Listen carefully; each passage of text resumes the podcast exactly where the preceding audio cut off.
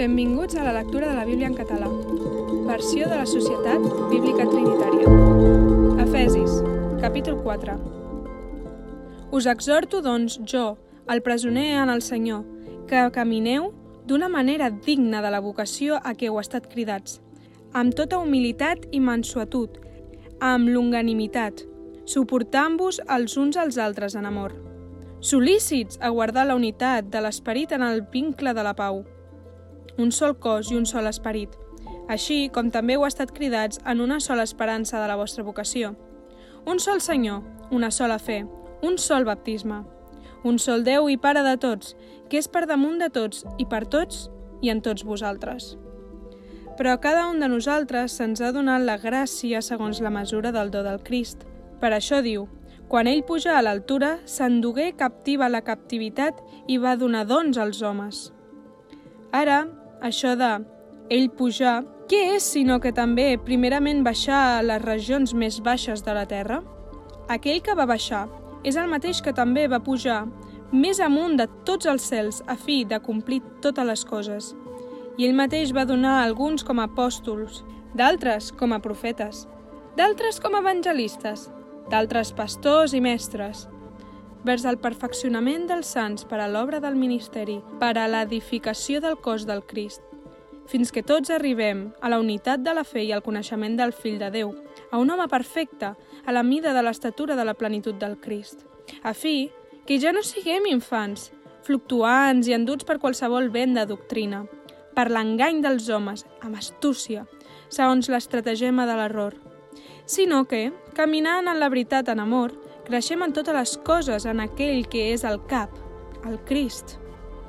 Per ell, tot el cos coordinat, harmoniosament i consolidat per cada connexió del subministrament, segons l'operació que correspon a cadascuna de les parts, produeix el creixement del cos per a la seva edificació en amor.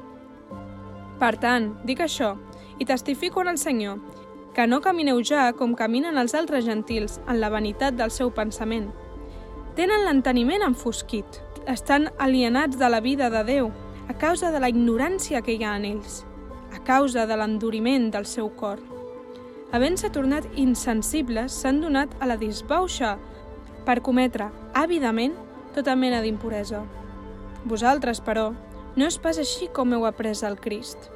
Si és a ell que heu escoltat i en ell que heu estat instruïts, tal com és la veritat en Jesús, que deixeu de banda, referent a la manera de viure anterior. L'home vell que es corromp segons els desitjos enganyosos i us renoveu en l'esperit del vostre entenament i us vestiu l'home nou, creat segons Déu en la justícia i la santedat de la veritat. Per tant, deixant la mentida, parleu cadascú la veritat amb el vostre proisme, perquè som membres els uns dels altres. Enutgeu-vos, però no pequeu, que el sol no es pongui sobre el vostre enuig, ni doneu lloc al diable. El qui roba, que no robi més, sinó que treballi, obrant amb les mans el que és bo, a fi que tingui per donar al qui passa necessitat. Que no surti cap paraula corrupta de la vostra boca, sinó solament la que sigui bona per a l'edificació que cal, a fi que doni benefici als qui l'escolten. I no entristiu l'Esperit Sant de Déu, en qui fóreu segellats per al dia de la redempció. Que tota amargor, enuig, ira, cridòria i maledicència sigui allunyada d'entre vosaltres, amb tota mena de malícia. Sigueu benignes els uns amb els altres, compassius, perdonant-vos mútuament, així com també Déu us va perdonar en Crist.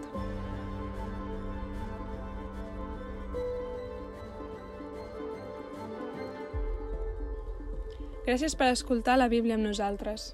Això ha estat Efesis, capítol 4.